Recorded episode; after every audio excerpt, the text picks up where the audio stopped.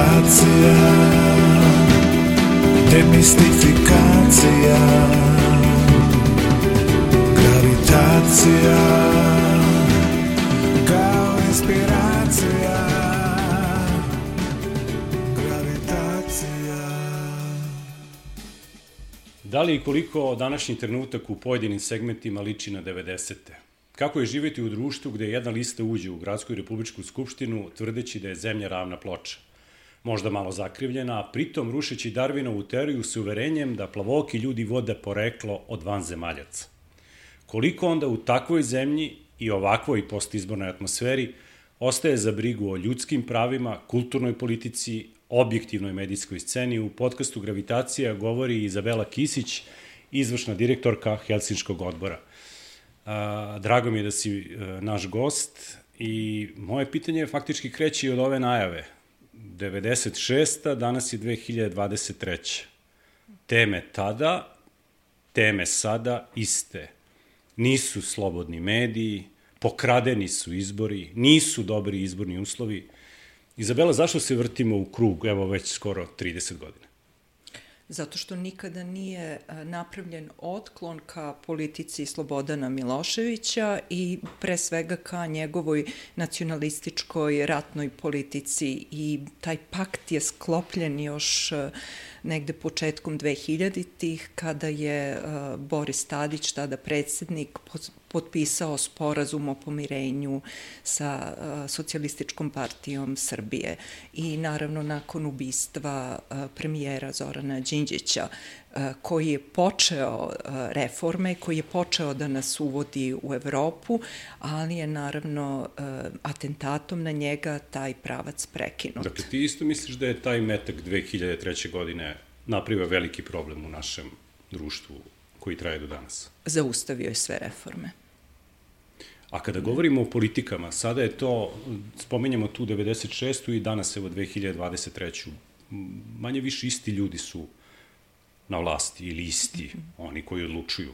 Tada su bili funkcioneri, danas su funkcioneri. Da li su politike ostale iste? Koliko su se politike promenile, ne mehanizmi vladanja, da. koliko su se same politike promenile? Ja prvo moram da kažem da, e, pošto obično ljudi govore iste su 90. isto je danas ili je danas gore nego 90-ih, znači jedna velika razlika jeste u tome što smo 90-ih imali ratove.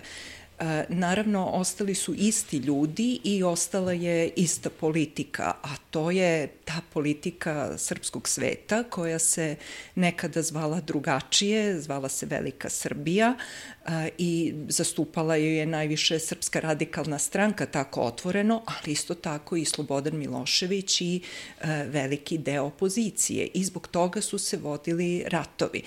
Danas se to zove srpski svet, ali... Dakle, znak jednakosti stavljamo iza onoga što je nekada bila Velika Srbija i jeste. protagonisti koji su to zagovarali, i ideje koja se relativno skoro pojavila u, ajde da kažem to, nekom političkom spektru. To nije ideja preko... koja se, da, nije se skoro pojavila. Pa da ona se... je od uvek postojala, ona je samo čuje? formulisana i čuje se kao srpski svet. Međutim, to jeste zapravo imperialna srpska politika i ono kako ja e, vidim taj rat 90-ih koji je vođen i njegov karakter jeste e, da se Srbija proširi na teritorije susednih zemalja. Danas je to naravno e, nemoguće, ali mi imamo jako puno nerešenih konflikata. Srbija i dalje pokušava da destabilizuje region, pokušava da ostvari kontrolu nad delovima susednih zemalja, To je slučaj sa Crnom Gorom, sa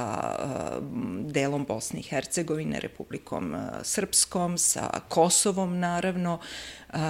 Prosto Srbija nikada nije iskreno priznala ove nove granice koje su nastale na osnovu Baniterove komisije i koje su proistakle iz niza međunarodnih sporazuma, uključujući i Kosovo. Bez obzira na tu, ajde da kažem sad, novu politiku, jer primetno je da je predsednik Srbije napravio otklon, barem javno, od onoga što je zagovarao tih 90. godina, čak i od stranke koje je pripadao odlazak ka Evropi prioritet, dakle da kažemo da su one osnovne stepenice koje je zacrtala demokratska opozicija Srbije i Zoran Đinđić, ulazak u Evropu, i on je stavio negde u agendu važnog političkog delovanja uključujući i dobar odnos i sa Rusijom i sa Kinom, što ćemo verovatno kroz naš podcast koliko je to moguće da napravite te odnose snaga sa Rusima i sa Evropskom unijom, izuzimajući tu činjenicu, kako vidite onda delovanje Vučića prema tom srpskom svetu u tim novim okolnostima i političkoj platformi koju on zagovara da je nama mesto u Evropi? Ja, Gde je on iskren? Ne vidim uopšte da je iskren kada je reč o Evropskoj uniji i da on je za svih ovih uh, više od deset godina vladavine nas jako udaljio od uh, Evropske unije. A, to, uh, to se odnosi pre svega na odnose prema uh, susedima. Uh, njegovo odbijanje da definitivno reši pitanje Kosova, ali i potpune erozije ljudskih prava i sloboda. Dakle, ono što je međunarodna zajednica očekivala od njega kada je došao na vlast 2012. ili 2014 zapravo nije se desilo i mislim da je sada i međunarodna zajednica svesna toga i da zapravo Vučić nikada njegovo koketiranje, odnosno saradnja sa Rusijom, pre svega Rusijom, nas potpuno udaljava od Evropske unije i to, smo, to vidimo i po ovome što nije sposoban da, da uvede sankcije prema Rusiji. A koliko su nas recimo onda vlade, sad već govorimo o bespuću, mm -hmm. ako, je, ako je ovo činjenično stanje, koliko su nas vlade i pre Vučića, ali da kažemo nekog preseka od Zorana Đinđića 2003. Mm -hmm. godine, uvlačile segmentarno kroz to bespuće u kome se možda danas Srbija nalazi iz vaše perspektive. Dakle, sada govorimo i o vladama Borisa Tadića, Mirka Cvetković koji je, Mirko Cvetković koji je bio premijer, Vojislav Kuštunica do, do tog momenta. Da li, da li su oni išli ovim putem koji danas ide Vučić ili taj put nije bio poznat u tom momentu? Znači, vraćamo pa, se malo i pre ove. Da, pa mi e, ne možemo zaboraviti da je recimo čitav energetski sistem zapravo predat Rusiji e, e, tokom vlade Koštunice i Borisa Tadića. A, tako da u tom a, smislu nije bilo nakon ubistva premijera Đinđića a, nije bilo a, nikakve političke volje da zaista krenemo E, ubrzano ka Evropskoj uniji. Međutim, do ove potpune degradacije, do uništavanja institucija, do e, potpunog okretanja od Evropske unije došlo je tek sa e, vladom Aleksandra Vučića. Dakle, mislite da je ovo sada što se dešava na, na ulici, a u pitanju su ti odbrana izborne volje građana, pokradeni izbor ili ne. Opet čekamo da se oglase neke institucije, višak ljudi u biračkom spisku. Nije samo rezultat nezadovoljstva izborima, već rezultat sveukupnog stanja u društvu, dakle i onoga što mediji prenose uh, danas u Srbiji. Pa Ja mislim da je najvažnije da se sada odredimo, da vidimo šta je sa izbornom krađom. Ja recimo mislim da ovaj izveštaj organizacije CRTA je veoma značajan za neku za neku dalju istragu, jer to je izveštaj koji je izuzetno argumentovan. On kad se čita vide, vidi se da je vrlo dobro metodološki urađen i korišćeno je niz izvora, javno dostupnih izvora, da bi se uopšte došlo do određenih zaključaka i e, preporuke iz tog izveštaja, a to je da se pre svega e, utvrde e, birački spiskovi. Veoma je važno da sad u ovom trenutku nekako da, da zapravo dođe do revidira, odnosno do kontrole tih biračkih spiskova i do uspostavljanja stvarnih biračkih spiskova. Ono što je takođe utvrđeno tim izveštajem jeste taj izborni inženjering i to je vrlo jasno, gde je volja na nivou građana na nivou Beograda najverovatnije promenjena i nije realni odraz glasanja zbog ovih takozvanih izbornih migracija koje se ne odnose samo na dolazak e, građana iz Bosne i Hercegovine, već e, i premeštanje e, građana iz delova, drugih delova van Beograda u Beograd i davanja tih nekih rezidencijalnih dozvola, adresa i tako dalje. Više puta smo u tim to izveštajima je... i same crte mogli da mm. vidimo da su to stvari, recimo, koje su bile i pre ovih izbora signalizirane kao mogućnost. Ja lično mislim da se tu opozicija vrlo traljavo snalazila i prihvatajući e, izbore po tim izbornim uslovima. Ali sad otvore jedno mm. ovde drugo pitanje, mnogo važnije, a onda dolazimo do tih opet 90-ih. Mm -hmm. nekako artiljerija vladajuće strukture više ide ka crti ili sa, kažem, nevladinom da. sektoru, nego ka političkim organizacijama i pojedincima. Možda će studenti biti meta, ali vidljivo je da je meta u prvih dva, tri dana posle izbora crta i kao predstavnik jedne nevladine organizacije, kako gledate vi na, na, na status NGO da. danas, pogotovo u ovom momentu, I da li će nam se desiti ono da su opet nevladine organizacije unutrašnji neprijatelji i oni koji misle zlo narodu i državi? Da. Pa ja mislim da je to zato što je upravo crta dala jedan vrlo tačan i vrlo precizan izveštaj da se zato našla na e, udaru vlasti i to što e, vlast radi prozivajući e, crtu da sprema državni udar, rušenje ustavnog poredka i tako dalje, to je nešto što je izuzetno opasno i što šalje poruku svakome ko je u ovom društvu spreman da zaista uradi nešto na osnovu argumenata, činjenica i to nije nešto što je novo za ovu vlast. Oni su crtu i ranije često prozivali, optuživali za državni udar i ne samo to, nego sećamo se kad su ih u Skupštini prozivali recimo za, odnosno govorili o njihovim adresama, ko šta vozi i tako dalje i naravno sve uz pomoć tabloida napadali. Tako da A šta je odbrana? Dovodi... Sad se tu postavi pitanje šta je odbrana. Mislim, e, krhka opozicija, pitanje da li je odbrana. Studenti na ulicama, građani, vidimo brojnost, masovnost, uvek se pre, tu negde prebrojavamo i tu svako ima neke svoje probleme.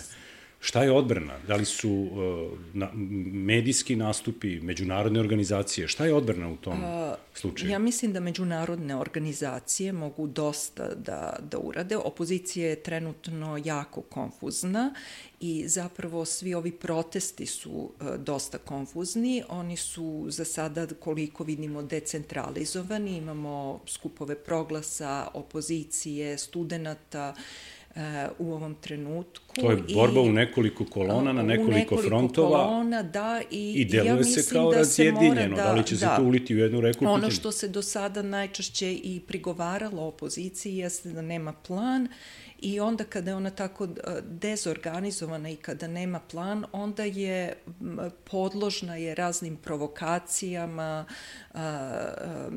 onome što smo, ono što smo videli pre neki dan, kada je pokušano da se upadne u Skupštinu, videli smo da tu očito je bilo i provokatora I e, mislim da sad u ovom trenutku opozicija mora da e, istraje na tom zahtevu da se e, srede birački spiskovi i da se održe novi izbori u Beogradu i ovo jeste neka bitka za Beograd zapravo način na koji će oni to raditi moraju da sednu i da zaista razgovaraju u jednom što širem krugu o tome kako da to, da to urade.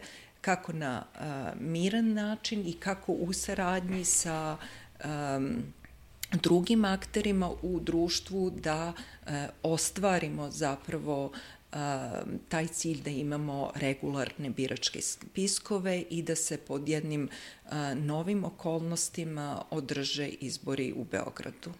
Vratio bi se još malo na nevladni da. sektor. Mm -hmm. očigledno jesu meta i sad kada pogledate neke televizije sa nacionalnom frekvencijom, dosta često se govori o nevladinom sektoru kao stranim e, ekspoziturama stranih agencija. Mm -hmm.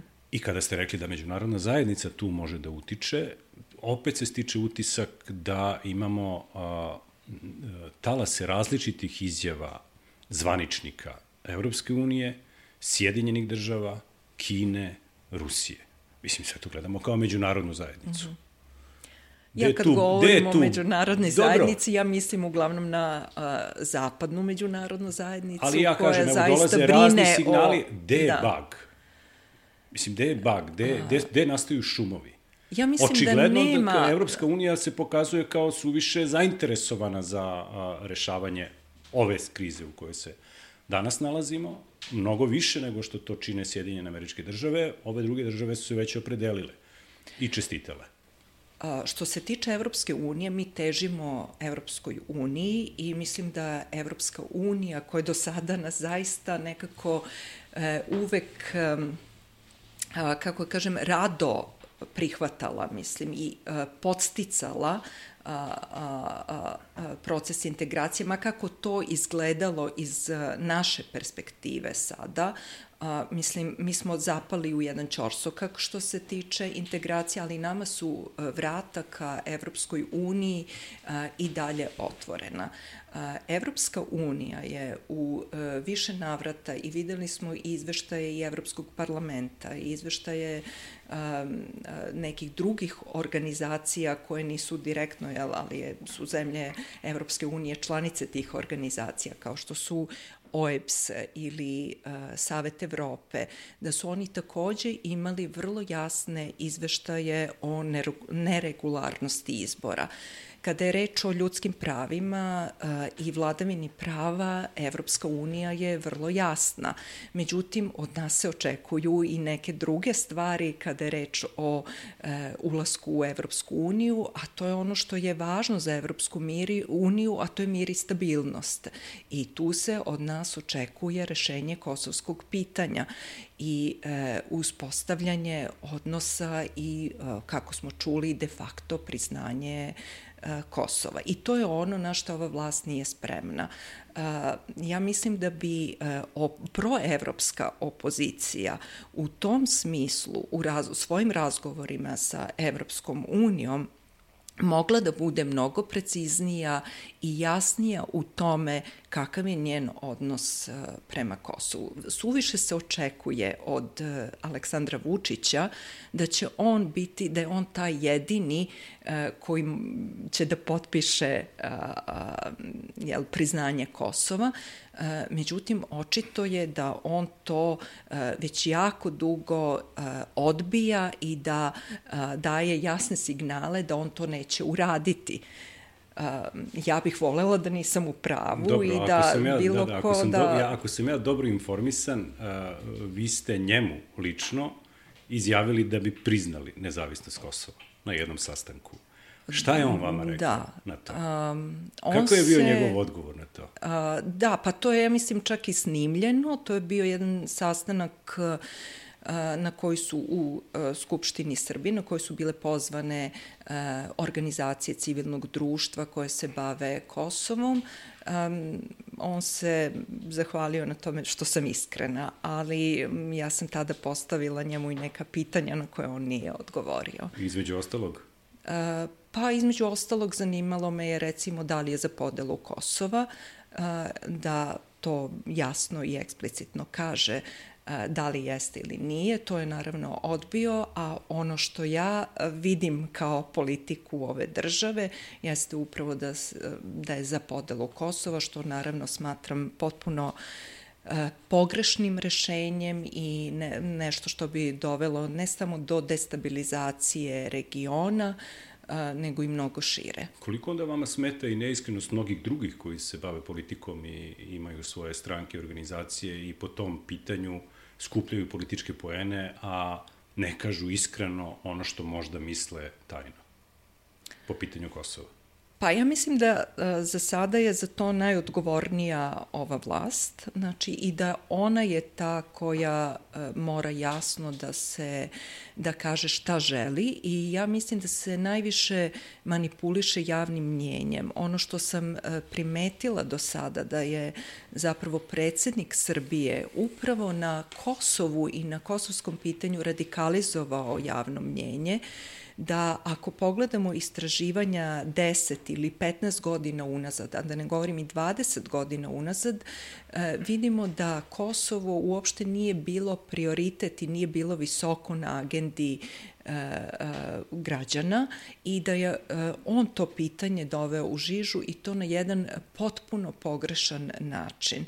E, mislim da građani, e, e, da je za građane ili do skoro, barem za građane, prioritet bila Evropska unija. Mi smo do skoro imali, do pre nekoliko godina zapravo, ipak veći procenat za Evropsku uniju, a evropska integra, evropske integracije podrazumevaju i priznanje Kosova.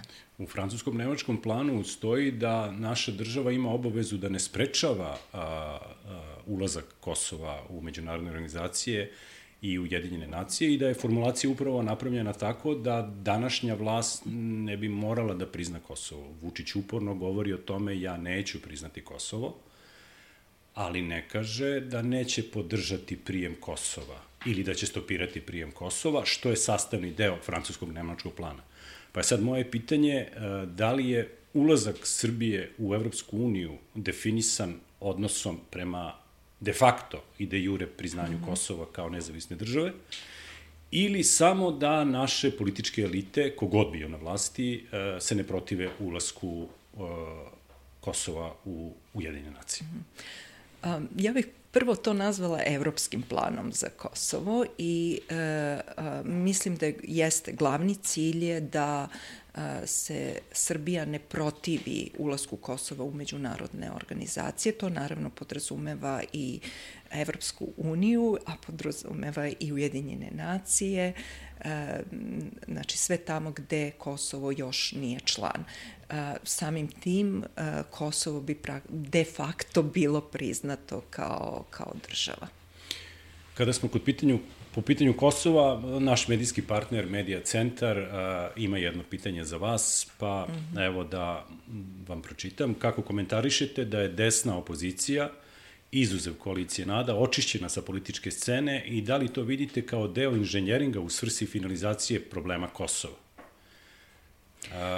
Po ovom pitanju bi se da. zaključilo da Vučić razmišlja o, o rešavanju kosovskog problema.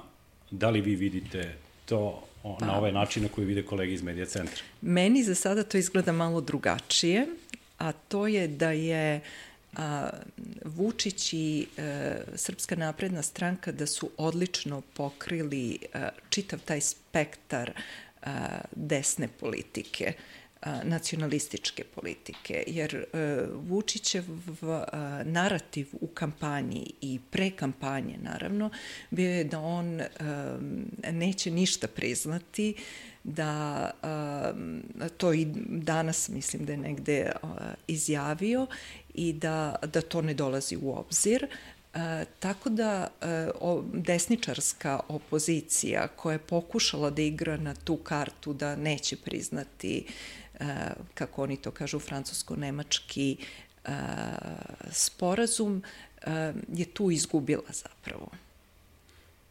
Na početku ovog našeg podcasta rekli ste da je gotovo sve slično, samo što nema ratova. Međutim, u jednoj vašoj izjavi ja sam pročitao da ste rekli da je kulturni obrazac koji je danas prisutan u Srbiji podsjeća na onaj kulturni obrazac 90-ih koji je faktički bio kulturni obrazac uh, uvoda u ratove. Uh, kakav je danas kulturni onda obrazac uh, u Srbiji? um, Srbija je znači, ušla u ove ratove, odnosno 80-ih, kad je pripremala stanovništvo za ratove, e, ona je krenula sa tim nacionalističkim, dogmatskim, etnonacionalističkim kulturnim obrazcem i e, ja zapravo često govorim da je rat, zapravo inspiracija za rat je sve nastala u kulturnim institucijama, jer akademici, Udruženje književnika Srbije, Matica Srpska, znači ne samo pojedinci, već i čitave institucije raspirivale su 80-ih tu nacionalističku mržnju i podsticali ljude na, na, na ratove oni su zapravo stvarali jednu atmosferu u kojoj bi rat bio moguć i u kome bi stanovništvo dalo podršku tim ratovima.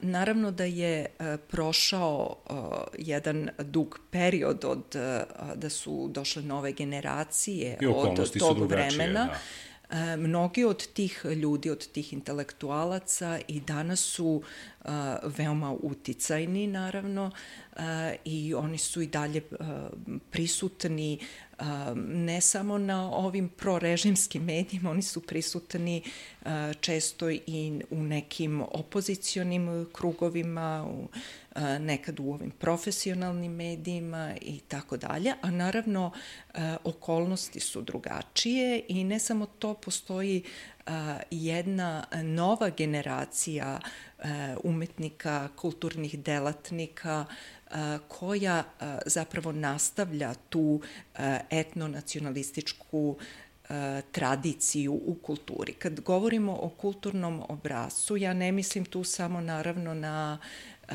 umetničku produkciju, to obuhvata i akademske institucije, univerzitete, čitavu naravno umetničku produkciju i tako dalje. Naravno, to nije tako vidljivo na način na koji je bilo 80-ih ili 90-ih tokom ratova, ali ono što zapravo vidimo u glavnim dokumentima koji se odnose na kulturu u Srbiji, kao što je recimo strategija za razvoj kulture ili recimo povelja o jedinstvenom kulturnom prostoru koju je Srbija potpisala sa Republikom Srpskom, upravo vidimo to da je cilj zapravo razvoj te etnokulture, i da je, recimo govori se o kulturi sećanja, ali je jasno da je ta da kultura da sećanja, na kulturi, na kulturi sećanja. sećanja, da, ali ta kultura sećanja, ja bih to pre nazvala možda čak i antikultura sećanja, zato što je to zasnovano na lažima zapravo. I o kom na, periodu govorite? Uh, govorim i o periodu uh, drugog svetskog rata i o periodu uh, 90-ih. E to, znači, da, da, znači- da mi samo pojasnite. Mislim, kada govorimo o kulturi da. sećanja, vidljivo je da vlast radi na tom fenomenu vlast... i da ističe i ministarka kulture kaže da mi radimo. I ja negde Radi vidim, se, recimo, ja negde da. vidim da se ona zaustavlja na Dari iz Jasenovca. U upravo to, one jedna U periodu koji smo imali jest, 90. godina, jest. to se zaboravlja. Mislim, u suštini da. da bi jedna država ozdravila, u svi države koji prođu jedan težak period, i Nemačka 45. pa nadalje, mora da radi na toj kulturi sećanja. Uh, govorite o tom fenomenu da se jedan deo istorije briše, a bavi se drugim ili, ili širi, širi kontekst kada govorite sad o drugom svetskom pa, ratu? Pa to dolazi do pot, vrlo, mislim, širi kontekst, jer ono što je bila, um, uh, ono kako se govorilo o drugom svetskom ratu tokom 80. i 90. bio upravo deo uh, te kampanje za, za ratove zapravo i za podsticanje građanstva Uvodu na rat. Ono što nas Uvodu je sve ono što godina. nas je, da, što nas je čekalo 90-ih. I e, to je e, zastrašujuće, to je e, perverzno način na koji e, stradanje Srba e, zlupotrebljava e, ova vlast, stradanje Srba u Jasenovcu, jer e, nije njima cilj da se o tome zna, već naprotiv opet je cilj da se na tom pitanju mobiliše stanovništvo, da se stvori slika o neprijatelju, onom drugom i da pa da li ta čitava, priča prolazi kroz građan, kod, kod građana Srbije danas? Očigledno, nažalost, ta priča je prošla i nažalost ta priča prolazi i recimo postoji jedna odlična istorijska knjiga hr, čuvenog hrvatskog istoričara međunarodno poznatog i priznatog Ive Golštajna o Jasenovcu ona nije mogla da uđe recimo u redovni otkup knjiga u Srbiji reč je o, mislim, izuzetno uh, objektivnoj uh, knjizi o, o Jasenovcu. I na tako nekim primerima, ili kao što ste pomenuli Daru iz Jasenovca, koja je jedan propagandni pamflet i kojoj jeste cilj raspirivanja mržnje. Eto, i tu nije prošao scenarij da Lordana Zafranovića. Nije, recimo, da. Lordana Zafranovića, koji je pravio uh, sjajne filmove o Ali upravo da sad ide, o ustaštvu. Kozare i da. Da, o, da sve ove teme sada kada uzmemo na jedno, tu bi negde i univerzitet trebao da se umeša, da da svoju struku, da da svoje mišljenje, kakav je, evo gledamo studente na ulicama, mm -hmm. barem teo studenta, kakav je status univerziteta u Srbiji danas po svim ovim pitanjima i negde je vaše pa. mišljenje, opet sam pročitao da to je ništa drugo nego polako postaje regrutni centar za desničarsku omladinu. Pa jeste, mislim, prvo da se ogradim da na univerzitetu postoje e, pojedinci, postoje e, određene grupe e, koje zaista se ozbiljno bave naukom i objektivno i ozbiljno gledaju na okruženje i ono što se, što se dešava. Međutim, univerzitet kao i sve institucije u Srbiji nije slobodan i e, jako je veliki upliv e, vlasti u ono što se dešava na univerzitetu i e, dekane e, univerziteti često biraju, fakulteti biraju na osnovu njihove bliskosti sa vlašću, znači iz nekih oportunističkih razloga, očekujući da ukoliko su bliži vlasti, da će moći neke e, male koristi da donesu fakultetima. Ali slično vreme je bilo, a, možda i gore, ja sam do duše tad bio i student i novinar 95. 96. pa opet kada su bili ovi studentski protesti čini se da je ta profesorska zajednica bila kompaktnija. E, najmanje pet univerziteta je tada podržalo protest. Sada se svi nekako drže po strani. Pa, e, možda Spisak sada, od 400 jeste, profesora je izašao da je u javnost, izašao jedan, ali ništa šire od toga, da. nema stavova fakulteta, to negde da. obeshrabruju i same studente koji onako lutaju, oni u tim profesorima traže mm. autoritete. Bili su oni u ovom podcastu i pričali su na tu temu. Da. Uh, ništa gora situacija nije bila nego 96. pa su nekako ljudi bili hrabri i opet je po nekim političkim linijama tada u vreme Slobodana Miloševića se mnogo šta odlučivalo. Možda je Gde tada je bila ta jasnija linija između, a, a, kako kažem, a, tada smo još imali, te, tek smo izašli iz ratova i možda je bila malo jasnija ta E, linija Mislite da je tada, smo... bila, tada bila veća podeljenost u društvu nego danas? E, mislim da su tada možda stvari bile jasnije, da danas, e, kako kažem, da ne znam Ili da bih danas na izborima da, bila vidljivija? Bila je vidljivija, bio je, bilo je mnogo veće siromaštvo, bilo je, jača je bila opozicija, to mogu reći Tačnije i ipak je bilo, da, da, bile sa Liderima. ozbiljnim, jeste, Ljudi koji ozbiljnim, potpisuju da, izlazak da, na trgove. Jeste, i uh, da je sada situacija mnogo uh, nejasnija i da uh, zapravo opet, kažem, za to je uh, odgovorno i to što mi nemamo uh, medije koji bi uh, mogli da dopru do građana kao što je tada deo medija uspevao. Bez obzira na sve prepreke, mi smo tada imali nezavisne profesionalne medije koji su nekako uspevali da dođu do građana i tada je opozicija, čini mi se, više radila sa građanima, išlo se više od vrata do vrata, a danas to radi vlast. A čini mi se da je opozicija više nekako na... U stvari mediji, taj deo medija mrežama, koji nisu da. u, u javnom uh, u javnim frekvencijama, nacionalnim frekvencijama u stvari rade posao to je mm, očigledno opozicija. Da. Sada opet da. dolazimo da. do medija. Sve ovo o čemu mi mm -hmm. danas ovde pričamo prolazi kroz neke medije. Pa kako se lično osjećate kad svaki treći dan na nekoj nacionalnoj frekvenciji vidite Bokana? Ako već pričamo da. o kulturnim obrazcima, pa da, ja kulturi htela, sećenja. U stvari sad ste me podsjetili upravo da je recimo kad govorimo o univerzitetu, eh, ono što je eh, poražavajuće jeste da je Dragoslav Bokan eh, u eh, savetu fil, eh, u filološkog fakulteta E, Dragoslav Bokan je e, danas takođe državni reditelj. On je e, na svim nacionalnim frekvencijama, odnosno ovim glavnim nacionalnim frekvencijama koje su pod kontrolom e, vlasti, a Dragoslav Bokan, to malo ljudi, e, malo studenta danas zna, znači ne samo oni ga znaju po onome što on danas govori i radi, e, međutim on je i ratni zločinac, jer mislim, ja to mogu da kažem bez obzira što nema presude koja bi to pokazala, ja bih postavila pitanje zašto nema takve presude. Ako mi imamo u javnoj sferi, ako se on time hvali da je bio komand, komandant, komandant Belih Orlova, paravojne formacije koja je počinila užasne zločine u Hrvatskoj.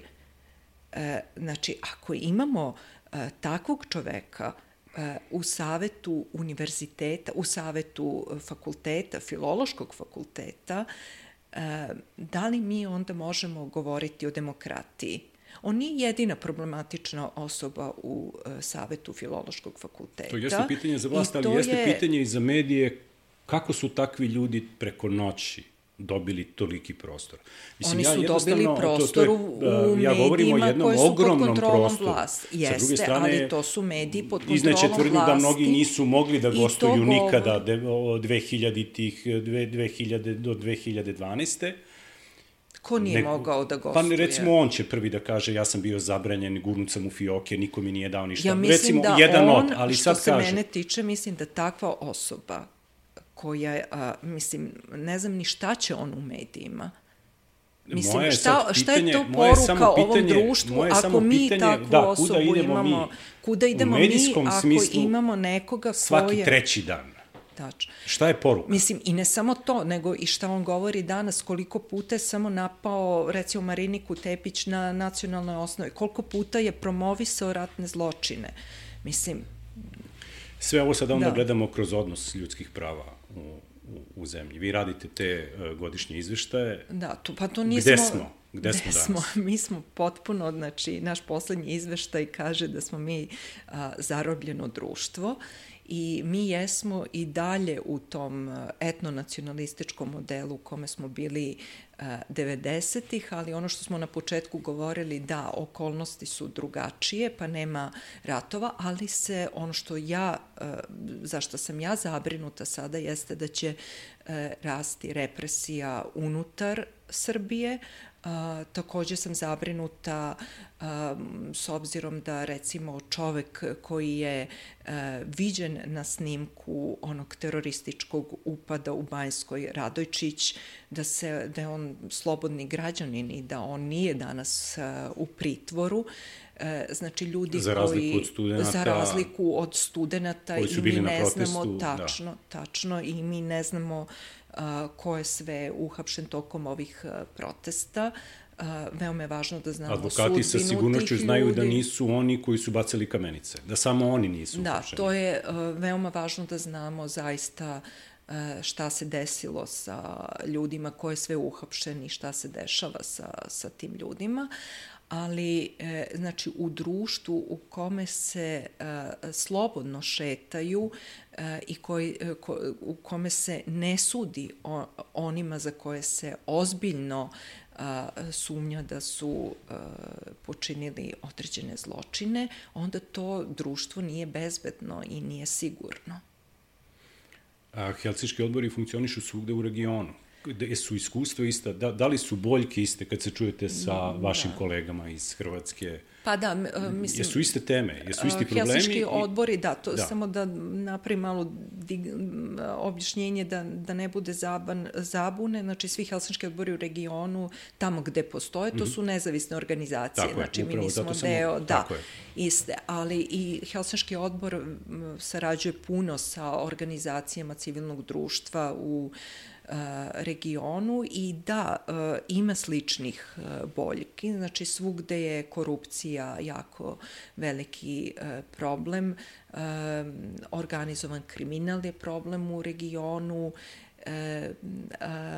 odnos prema onima koji se bave suočavanjem s prošlošću je gotovo svuda isti. U nekim zemljama postoji alarmantna situacija kao što je recimo u Bosni i Hercegovini, posebno u onom u uh, entitetu Republika Srpska gde je donet uh, gde uh, zakon koji se uh, odnosi na uh, strane agente, to je zakon kakav postoji u Rusiji, E, i e, to je ozbiljno kak, kakva će biti dalje sudbina e, organizacija civilnog društva u tom delu Bosne i Hercegovine. Ali... Kako su političke partije reagovale na to u Bosni? Mislim, reagovale su, da, reagovale su, reagovale su pre svega organizacije civilnog društva i to je a, nešto što je alarmantno, ali videli smo da se nedavno i u jednoj članici Evropske unije, Mađarskoj, a, doneo takav zakon. A, tako da a, a, vidjet ćemo šta će dalje biti u vezi sa, sa tim a, i to je nešto što zaista mora da se, da se spreči. Ali ima nešto što da u izveštajima to... bude bolje nego godine pre ili uvek stvari u izveštajima nekako, u Srbiji. U izveštajima u Srbiji. Ne, sve, znači stvari se drastično pogoršavaju iz godine u godinu kada je reč o ljudskim pravima i stanju demokratije. Dakle, nikad se nije desilo da jedan izveštaj barem ima pauzu. Za i da... ovih deset godina ne. Znači, za ovih deset godina stalno imamo pogoršavanje a, tih... I sada kada bi govorili o perspektivi nekim narednim izveštajima, onda nema razloga za optimizam, ako je tako. Ja bih volela da budem... Ako sve treba onda da radi da ti izveštaji budu bolji izuzev vlasti. Mislim, pa vlast, vlast pre svega. vlast je najodgovornija. Vlast mora, mora da bude ta uh, koja će nešto da, da promeni. Jer vlast je ta koja je odgovorna za sprovođenje zakona. A da li civilni sektor radi maksimalno civilni, svoj pe, civilni pritisak, sektor medijsku... mislim da radi apsolutno sve što je u njegovim moći. Mi imamo izuzetno jak civilni sektor, što smo videli sad i tokom uh, o, ovih izbora naravno, taj civilni sektor radi pod velikim pritiscima, znači postoje različiti vidovi obstrukcije, posebno budući da nema da nemamo slobodne medije. Naravno, postoji nekoliko profesionalnih medija, ali oni se takođe suočavaju sa istim ili sličnim problemima kao i civilni sektor. Uh, tako da uh, uh, ja civilni sektor ne bih uh, uh, kritikovala i ne bih uh, uh, prenosila odgovornost na civilni sektor, jer mislim da civilni sektor u ovoj situaciji kakva je uh, radi maksimalno. Ja jedino što mogu da poželim bolji izveštaj da. naredne godine i, vama pa, i nama svima. Pa to je svima nama, da, da, potreban je bolji, bolji Izabela, izveštaj. često govorite o ruskom oticaju u Srbiji. Sada je već evidentno sa a, otvorenim vratima ruskih izbeglica zbog rata u mm. Ukrajini. A, koliko je on realno prisutan? pa ruski uticaj je prisutan ovde upravo najviše od negde uh, intenzivira se to njihovo prisustvo od posebno od 2012. A, znači i a, ruski uticaj je prisutan u različitim sferama od energetskog sektora do bezbednostnih struktura.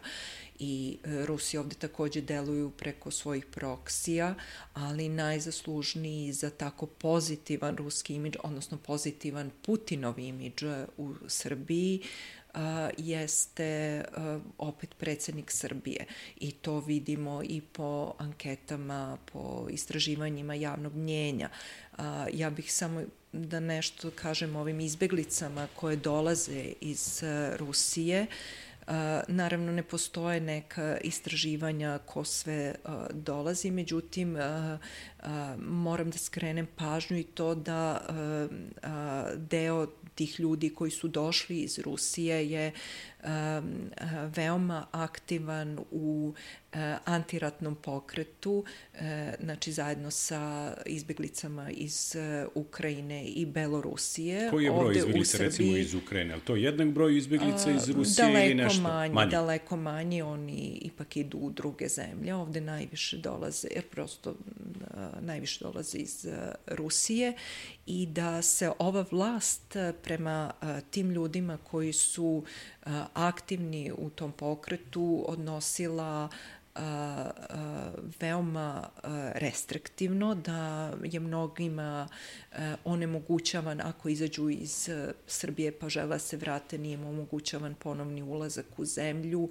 da znamo da su i a, srpske službe bezbednosti prenosile podatke a, ruskim službama bezbednosti o a, ruskoj opoziciji i ruskim a, nevladinim organizacijama u Srbiji, a, tako da a, nije taj uticaj preko ruskih izbeglica, on je mnogo a, e, dublji, a, zapravo sa a, veoma a, snažno infil, infiltriranim jel, a, ruskim službama unutar a, Srbije i u regionu. Mnogi će reći ogroman i ruski uticaj na samu Srpsku pravoslavnu crkvu To je pa, nesporno. Pa, to je a koliko spona, je, da. A koliko je onda Srpska pravoslavna crkva danas uticajna u državi? Da li se suviše meša u rad države Srpska pravoslavna crkva je, ja bih rekla, danas jedan od najjačih aktera političke scene, ne samo u Srbiji, nego i u regionu i e, veoma poražavajuće da e, vlada Srbije vrlo često poklekne pred e, Srpskom pravoslavnom crkvom kada je reč o sužavanju ljudskih prava u, u Srbiji. I da e, ono što e, zapravo a, a, povezuje i Srpsku pravoslavnu crkvu i Rusku pravoslavnu crkvu i uopšte režim u Beogradu i u Moskvi jeste taj e, negativan antizapadni e, e, antizapadna politika i politika protiv ljudskih prava, znači antiliberalna politika. I to je ono što danas e, Srpska pravoslavna e, crkva e, promoviše, jesu antiliberalne vrednosti i ono što mene posebno zabrinjava kada je reč o Srpskoj pravoslavnoj crkvi, osim tog ideološkog dela, jesu indicije da je povezana i sa um, um, oružijem, posjedovanjem oružja, odnosno da se u uh, crkvenim objektima uh, nalazi oružje. Uh, recimo, to je bio slučaj nekoliko puta u Crnoj Gori, da su postojale kada je recimo kada su uhvaćeni um, oni razgovori preko Skaja sa škaljarskim klanom pa gde se pričalo o 100 kalašnjikova koje treba crkva da nabavi. To nije još uh, ispitano. Uh, ne znamo šta je sa tim. Zatim uh, izjava Ališe Kerr koja je predsednica, poslanica, britanska poslanica i predsednica Komiteta za međunarodne odnose u britanskom parlamentu koja je takođe ukazala da e, postoje neke indicije da se kolima hitne pomoći prevozi oružje u manastire na crkvene objekte na Kosovu. Britanski kvo, deo kvora je o tome takođe bio informisan, oni su pokušali to da istraže, nisu našli dokaze, ali onda se to pitanje ponovo aktualizovalo sa ovim što se desilo u Banjskoj, iako se Raško-Prizrenska eparhija ogradila od toga i rekla da to nije e, oružje iz manastira, nego da je to ostavio narod koji je tu bio. Da, neko će reći ima dosta mešanja crkve, ja ću na jednoj temi reći možda čak ima i malo. A, naš patrijarh ne tako davno, kada je Tomašević pobedio za gradonačelnika Zagreba, bio je jedan od prvih koji mu je čestitao a, stihovima Džonija Štulića, Azre, Zagreb, mm -hmm. izranja i sna i želim dobro jutro slobodnom Zagrebu. Imali smo ovde izbore za gradonačelnika i Beograda, imamo ljude na ulicama, nema patrijarha. A, nema, nema patrijarha. Mešanja. Patrijarh je, a, ja bih rekla da on jeste uz vlast ovde i a, njegov odnos prema Zagrebu i to kako se on tamo ponašao i to njegovo često citiranje e, muzičkih zvezda je bilo samo u funkciji stvaranja nekog pozitivnog imidža, nekog modernog e, patrijarha. Govorite o Canetu, Dilanu. Da, međutim, e, ono što je on danas, otkad je e, patrijarh zapravo, e, govori o njemu e, nešto potpuno drugo. Znači, ako samo pogledamo ordenje koje je Srpska pravoslavna crkva dodelila određenim ljudima u vreme i dok je on patrijarh i od čega se on nikada nije e, ogradio. A, ako pogledamo njegovo, e, e, ko su njegovi e, e, ideološki uzori, a, a, jasno je da imamo vrlo jednog konzervativnog i antiliberalnog patrijarha.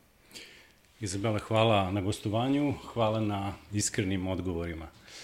E, za gravitaciju je govorila Izabela Kisić, izvršna direktorka Helsičkog odbora za ljudska prava. E, hvala vam što ste sa nama, pratite nas i dalje na YouTube kanalu i ostalim platformama.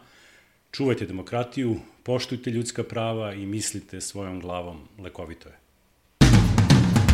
Gravitacija, demistifikacija, gravitacija kao inspiracija